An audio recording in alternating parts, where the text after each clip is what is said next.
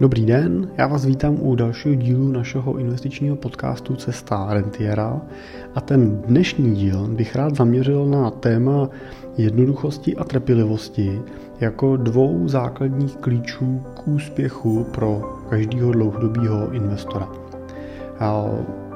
Nazdílím s váma jeden takový klasický příběh, se kterým se na mě často posluchači nebo čtenáři obrací a ukážu vám i na příkladu naší firmy, jak jsme se i my vyvíjeli postupem času od složitých a komplikovaných řešení až k dnešní, věřím, už celkem jako jednoduchý struktuře, ať už investičního plánu nebo vlastně i konstrukci toho daného portfolia. A co to vlastně potom přineslo nejenom nám, ale i těm našim klientům a investorům z pohledu výnosu, srozumitelnosti a postupného naplnění cílů.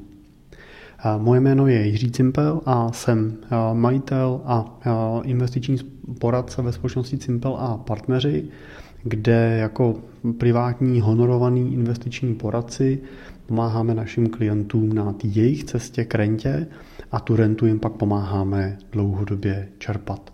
Typicky se staráme o klienty od nějakých 45 až 40 let vejš, kdy jim pomáháme vlastně spravovat investice od 1 milionu korun vejš, anebo od nějaký pravidelný investice aspoň 20 tisíc korun měsíčně. Tak a nebudu zdržovat a pustíme se do práce.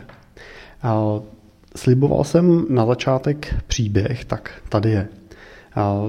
Jsou to dva dny zpátky, kdy mi telefonoval člověk, který se na začátku toho telefonu představil a začal vlastně popisovat svůj příběh. Ten příběh byl takový, bych řekl, klasický.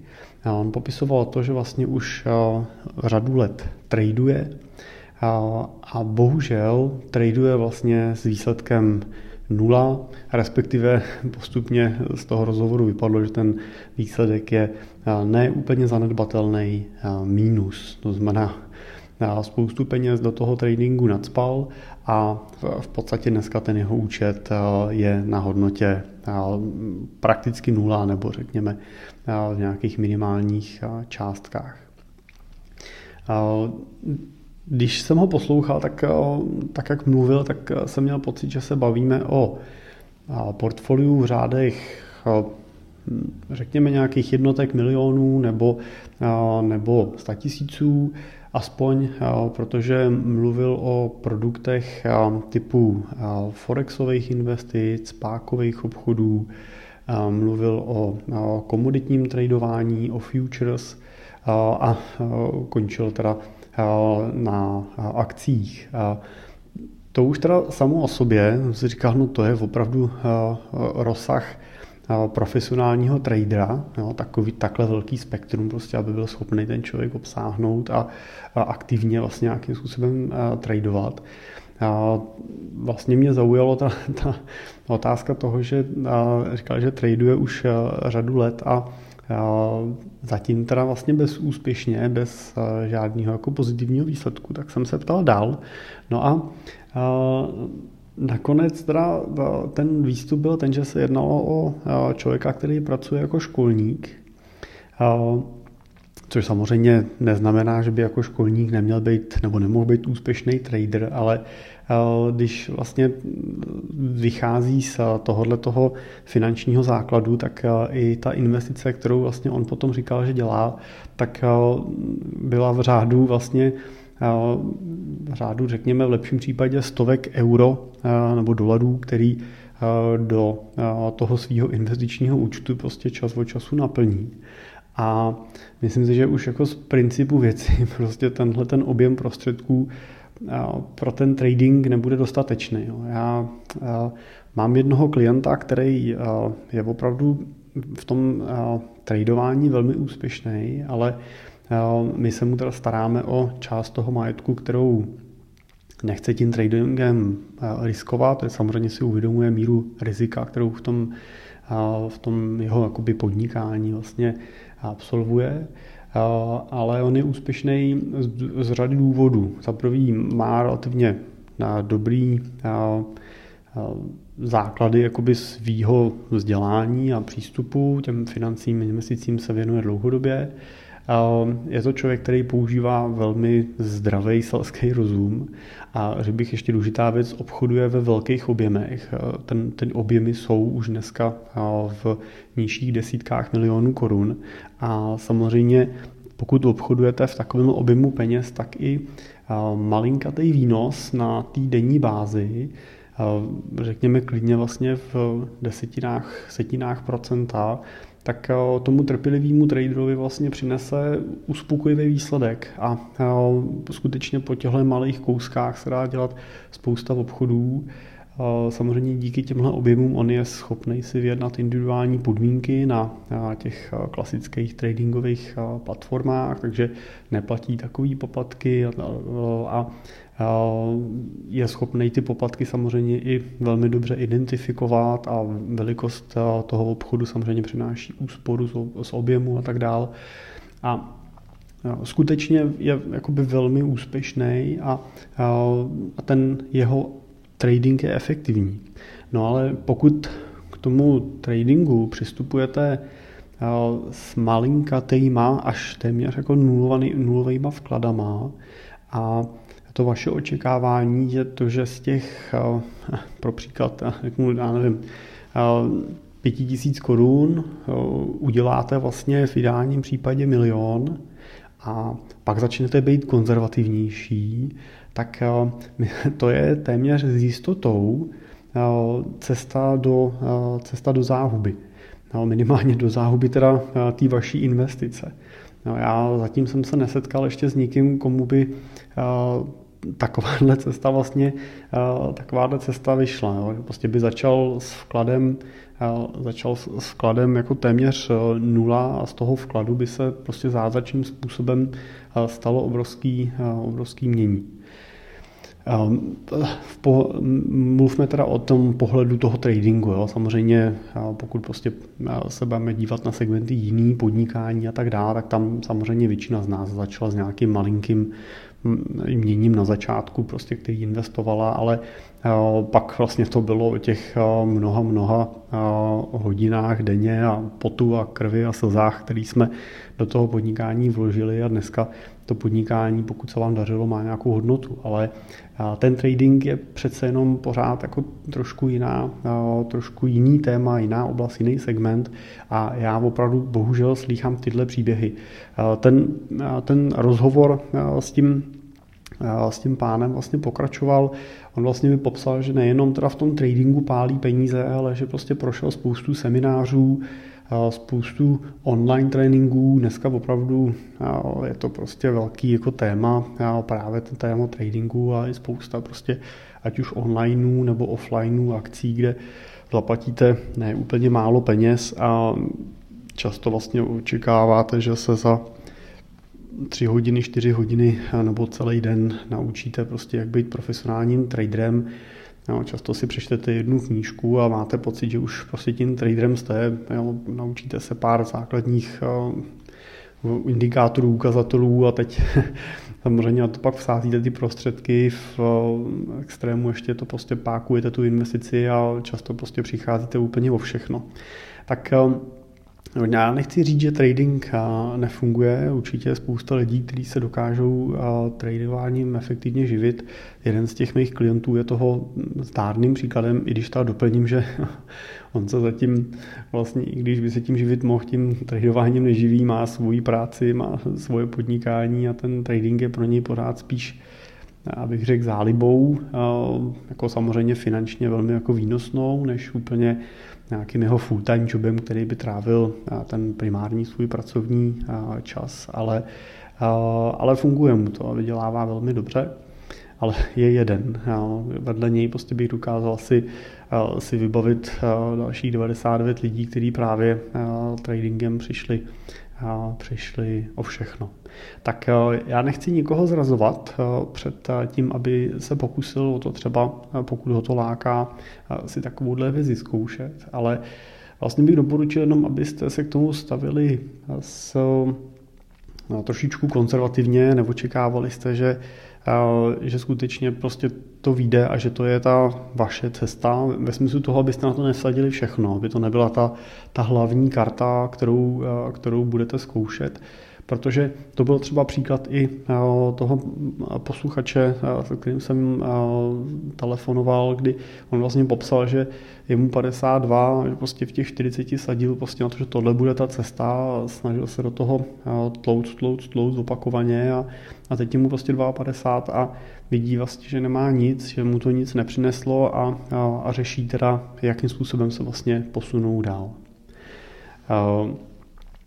Já navážu na to, eh, protože eh, navážu na to tím příběhem naším a naší firmy, protože si myslím, že eh, právě to, co je problémem i u těchto těch tradingových aktivit a snah, tak je většinou velká komplikovanost toho řešení, velká jako složitost toho, co vlastně se snažím jako pochytit.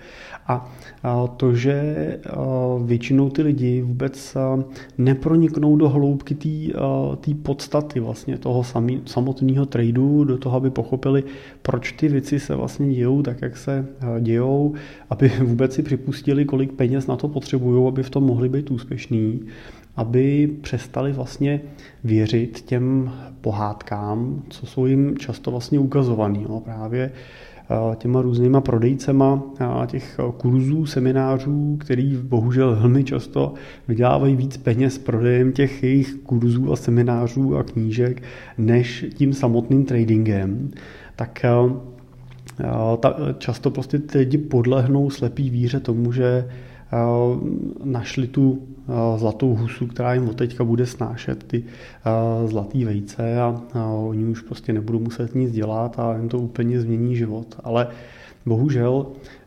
to obchodování, ať už je to trading nebo investice, tak vždycky stojí na tom, že do nich musíte přinést nějaký kapitál.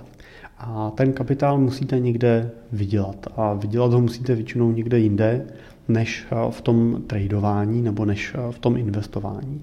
A pak si myslím, že a já to vidím teda v praxi, že je velký rozdíl mezi eh, lidma, kteří čekají, že tou investicí eh, zbohatnou, to znamená, že nemají žádný prostředky, jdou s nima do toho světa investic a doufají, že z, těch, že z, to, že z toho malinkého majetečku, těch jako tisíců nebo deset tisíců se stanou miliony. To znamená, že čekají, že z toho udělají desetinásobky, stonásobky vlastně toho, co vložili. A pak je velký rozdíl mezi lidmi, kteří vydělali ten majetek mimo, vydělali ho svou prací, vydělali ho svým podnikáním, vydělali ho nějakým svým životním přístupem, nebo k němu dospěli dědictvím, převzali ho prostě po předchozí generaci a tak dál. Tak eh, tady zase naopak eh, v většině případů právě nevidím eh, tu potřebu ten majetek desetinásobit, dokonce často ani není ta potřeba ho znásobit.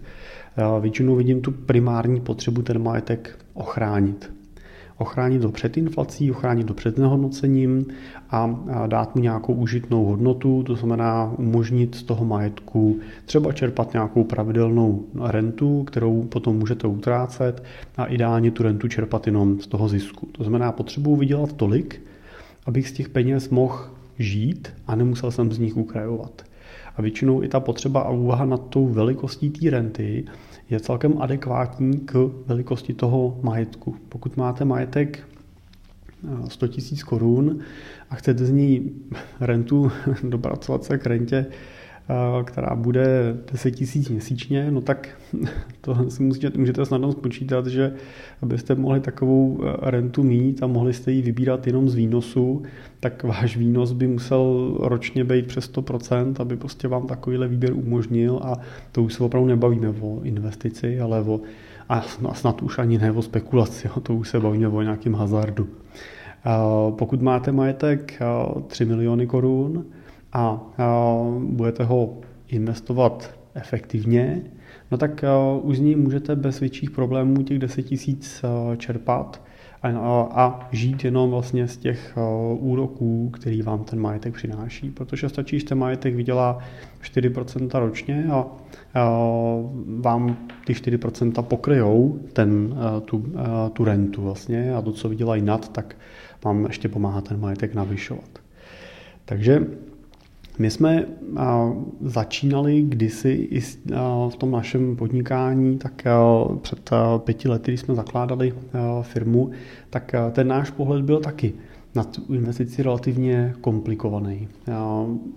To naše, to naše řešení v té první fázi, ty naše portfolia typicky obsahovaly 10-15 investičních fondů, bez ohledu na velikost investice. No. Často to byla investice v řádu milionů korun a ta konstrukce byla komplikovaná, bylo v ní těch fondů 10 v různých kategoriích, v různých skupinách, v různých třídách aktiv. Používali jsme kombinaci různých kategorií těch fondů, používali jsme kombinaci aktivních fondů, tak, takových těch klasických otevřených podílových fondů, to jsou ty bankovní, a používali jsme do toho i kombinaci těch pasivních fondů, těch většinou burzovně obchodovaných ETF.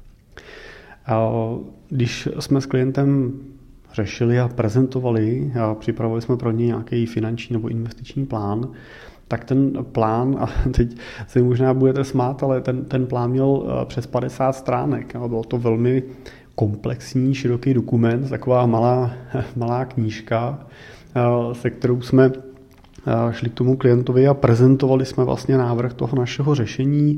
Prezentovali jsme v tom plánu ten očekávaný vývoj té investice, navrhované změny v tom portfoliu a další věci, které by měl komplexně řešit.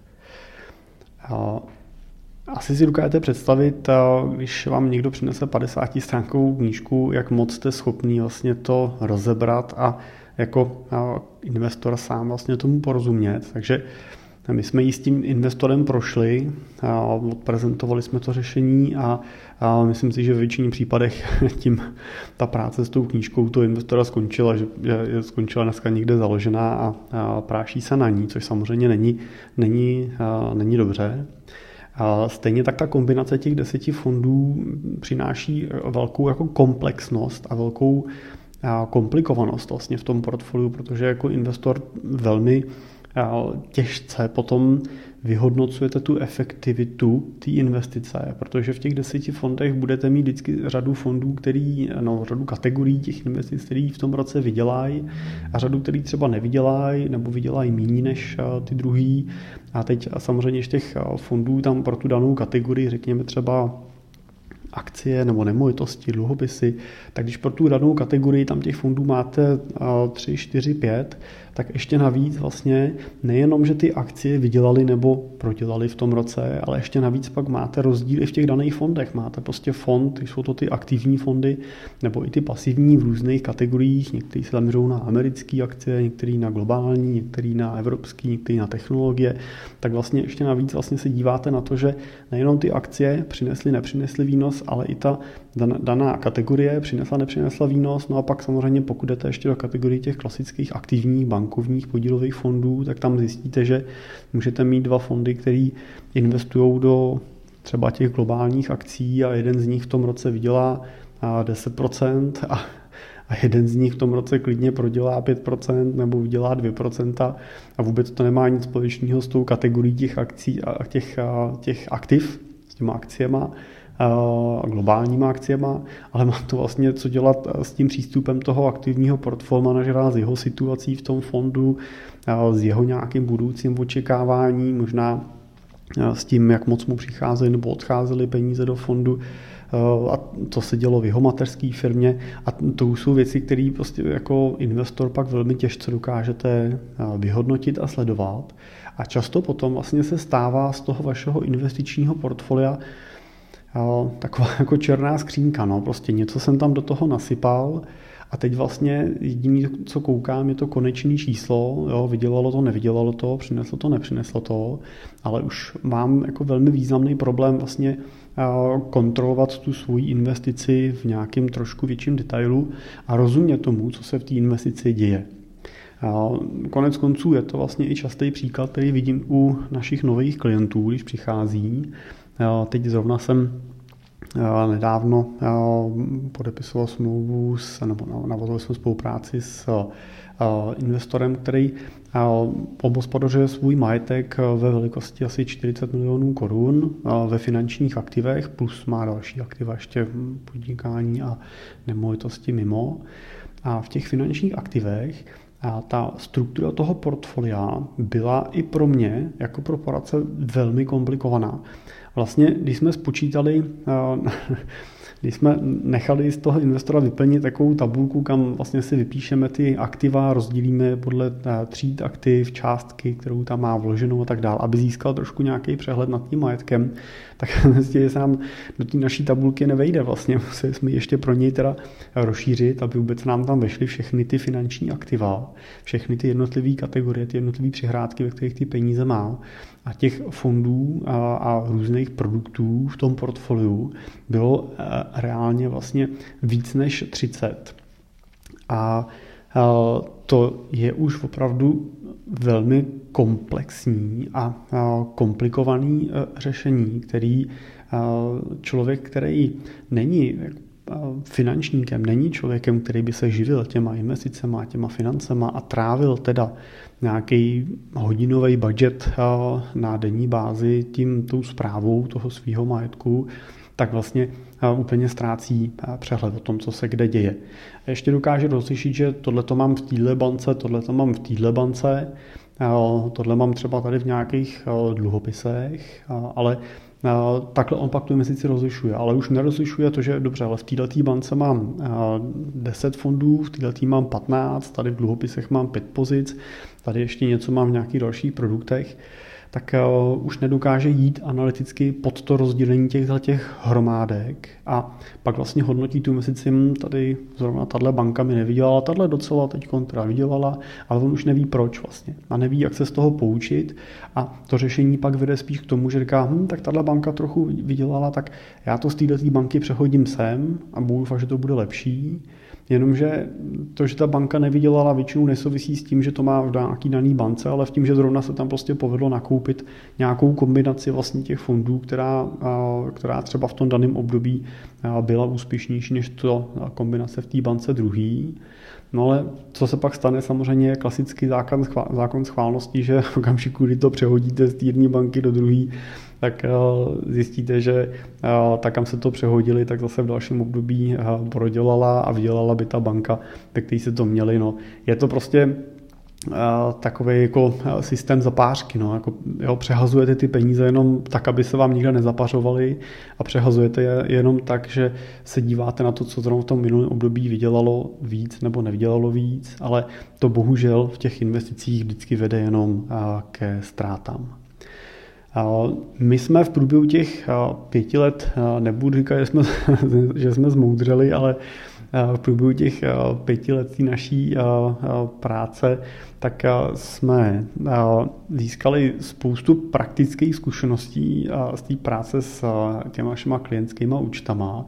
Zároveň jsme měli možnost zvýšit i naší odbornost, to, že jsme vlastně dodělávali, získávali vlastně mezinárodní tituly EFA a teď před rokem a něco, tak jsme dodělávali ještě s mým společníkem dalším, tak jsme dodělávali titul EFP, což jsou mezinárodní uznávané tituly, které jsou právě zaměřený na, na finanční plánování, investiční plánování. A to EFP je hodně zaměřený ještě potom do té corporate governance, to znamená vůbec jako do toho schopnosti vlastně porozumět dané společnosti, daný třeba akci, hospodářským výsledkům, výkazům a tak dál. A ze všech těchto těch vlastně věcí, ať už těch odborných znalostí, anebo i těch konkrétních, možná ještě víc těch konkrétních praktických zkušeností jsme vlastně postupně v tom čase to naše portfolio vlastně, ať už investiční, anebo to portfolio spojené s tou konstrukcí toho finančního plánu velmi významně ořezávali. Tak jak jsem měl pocit na začátku, že v průběhu času to bude komplexnější a komplikovanější, tak musím říct, že postupem toho času, tak jak se ten náš biznis a biznis těch našich klientů a investice a portfolio našich klientů vlastně posouvají, tak vlastně dochází k významnému zjednodušování a zpřehledňování všech těch procesů. Dneska vlastně ty naše portfolia se skládají v průměru ze tří až pěti fondů, což je opravdu řádově třetina toho, co tam bývalo předtím na to daný portfolio.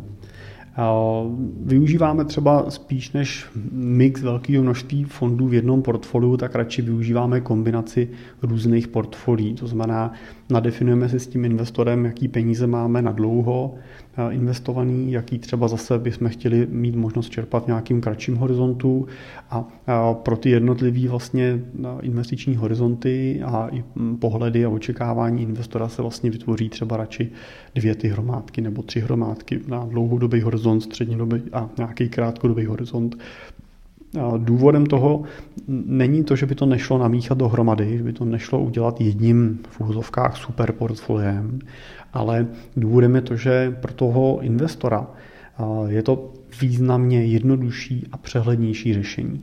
Když se pak něco děje, tak nemusíme vysvětlovat, že dobře, portfolio sice pokleslo, ale počítáme s tím, že tady tu část máme na kratší peníze a tak dál, ale skutečně můžeme snadno ukázat, dobře, no, tak tady vidí, že dlouhodobá investice teď na začátku letošního roku, protože prostě byly karantény a tak dál a byly poklesy na tezích, tak prostě v horizontu dvou měsíců poklesla. No ale tady ta, kterou máme na kratší peníze, kterou chceš mít možnost čerpat v průběžnějš nebo čerpat i v dřívějším horizontu, tak tam vlastně klienté, investory vidí, že ten pokles byl třeba minimální nebo nebyl vůbec a, a, a když prostě budeš potřebovat, můžeš do toho sáhnout a pracovat s tím. A tady u těch dlouhých peněz je to přece netrápí. Na ty se díváme za, za pět let třeba, tak nás vlastně moc nezajímá, jak končí letošním roce. Nás zajímá, jakým výnosem skončí v tom roce pátým a tomu tu investiční strategii vlastně můžeme přizpůsobit. A je to jednodušší. Naučili jsme se a vyzkoušeli jsme si v čase, že je lepší specializovat se na jednu kategorii těch, eh, eh, těch eh, konkrétních aktiv, to znamená my, nebo té formy, té investice. My jsme se naučili pracovat s těma pasivníma burzovně obchodovými ETF fondama, máme je radši. Nechci tím říct, že nejde pracovat v kategorii těch otevřených podílových fondů a vybírat tam kvalitní fondy, které budou třeba překonávat ten trh, ale už to zase vyžaduje nějakou trošičku jinou expertízu, jiný, jiný přístup k tomu portfoliu.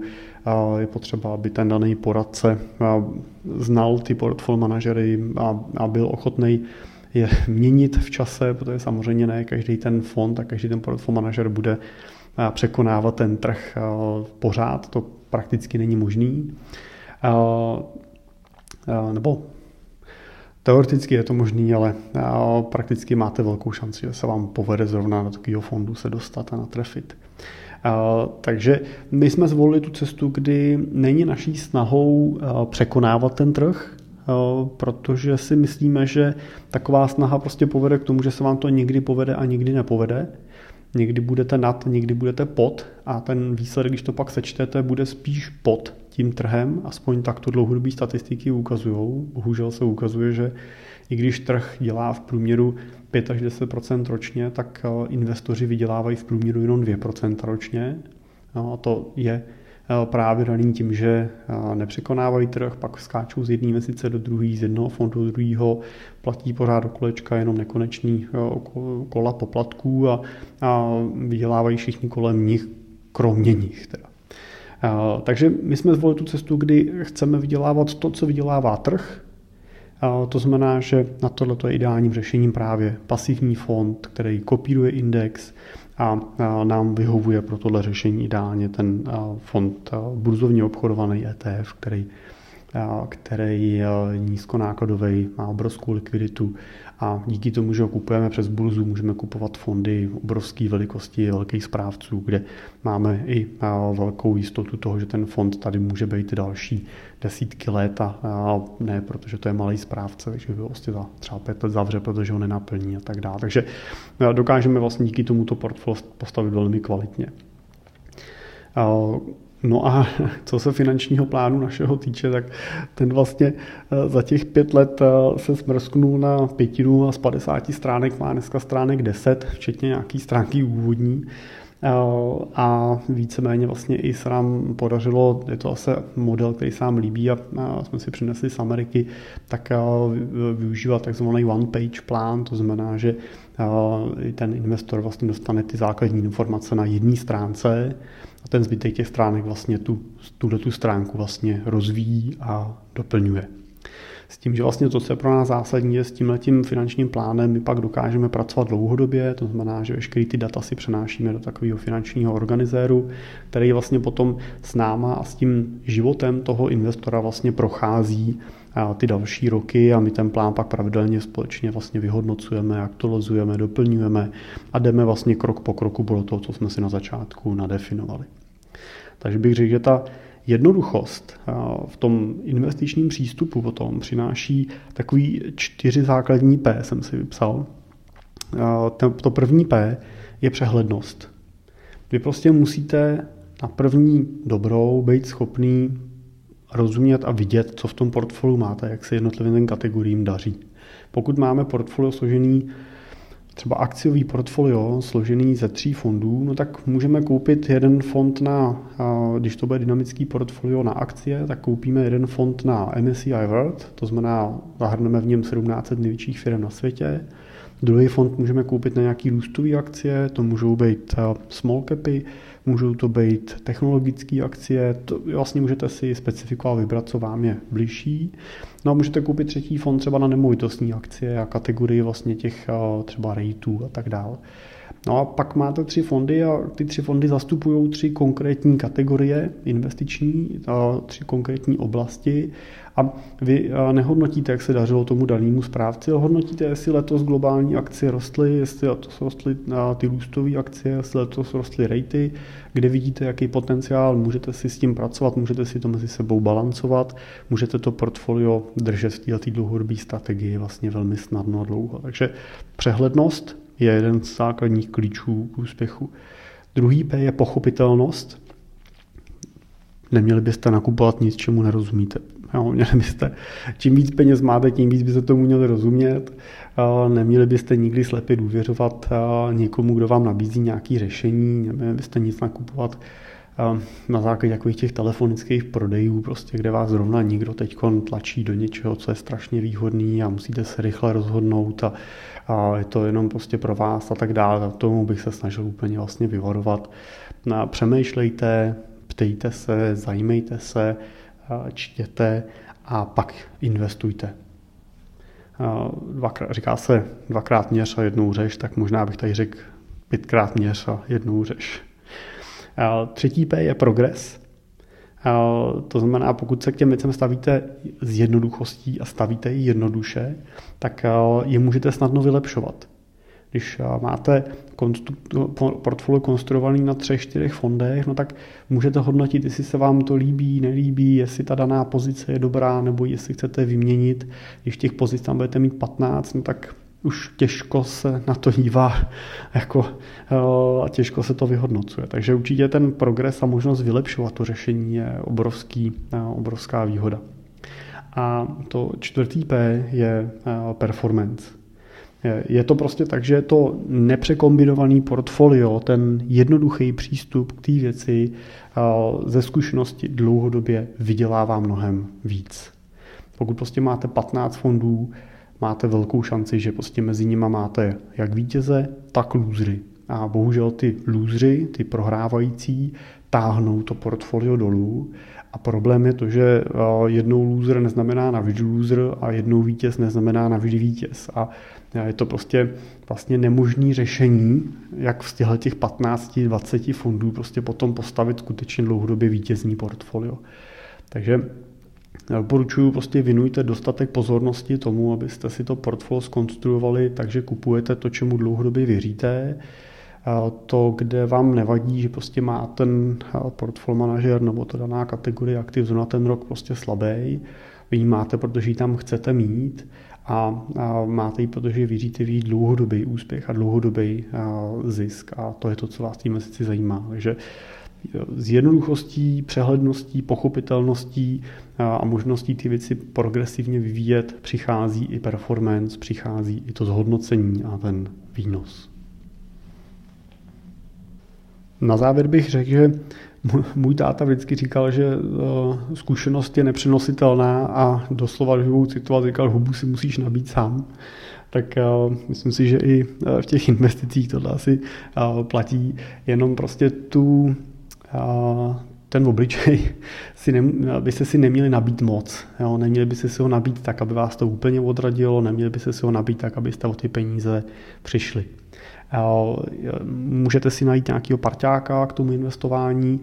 Je to častý příklad vlastně té naší spolupráce vlastně s klientama. Ten náš zájem je vždycky toho investora edukovat, vzdělávat učit ho ty věci, dovízt ho k tomu, že skutečně plně rozumí tomu, co děláme, protože ta naše role v té zprávě toho vašeho majetku, v tom wealth managementu, není role toho, že nám dáte slepou důvěru a vložíte do další černé skřínky svoje peníze.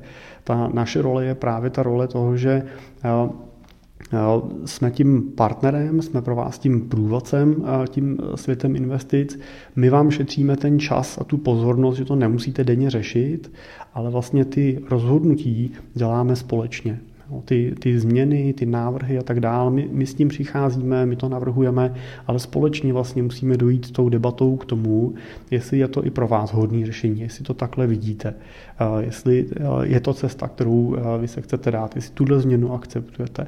A to je velký rozdíl a takovýhle přístup a takovýhle, a takovýhle poradenský model bych vám doporučoval, abyste, abyste vlastně hledali, abyste k sobě hledali toho partnera, který vás povede, který vás bude ty věci učit, bude z vás samozřejmě snímat tu časovou a emoční náročnost vlastně spojenou s tou technickou zprávou, ale nebude vás stavět mimo tu kolej toho toho rozhodování a té zodpovědnosti za tu investici. Jsou to pořád vaše peníze, je to pořád vaše zodpovědnost a vy jste jediný, kdo může dělat skutečně to kvalifikované rozhodnutí. A ten poradce je tam proto, aby vám doplnil pro to kvalifikované rozhodnutí dostatek informací, na základě kterých ho můžete udělat. Eh, to je z mojí strany dneska všechno. Pokud je to téma pro vás zajímavý a chcete se nad tím podívat, na to podívat i osobně hloub, tak samozřejmě jsme tady pro vás, neváhejte se na nás obrátit. Můžete buď napsat mě na e-mail jiřídlavináč.simple.cz nebo eh, přes naše webové stránky www.simple.cz můžete napsat o eh, konzultaci a můžeme to probrat osobně a zjistit, jestli jsme schopni vám pomoct nebo vás aspoň někam nasměrovat. Díky, že jste doposlouchali až sem a já se budu moc těšit zase u nějakého dalšího dílu a naslyšenou.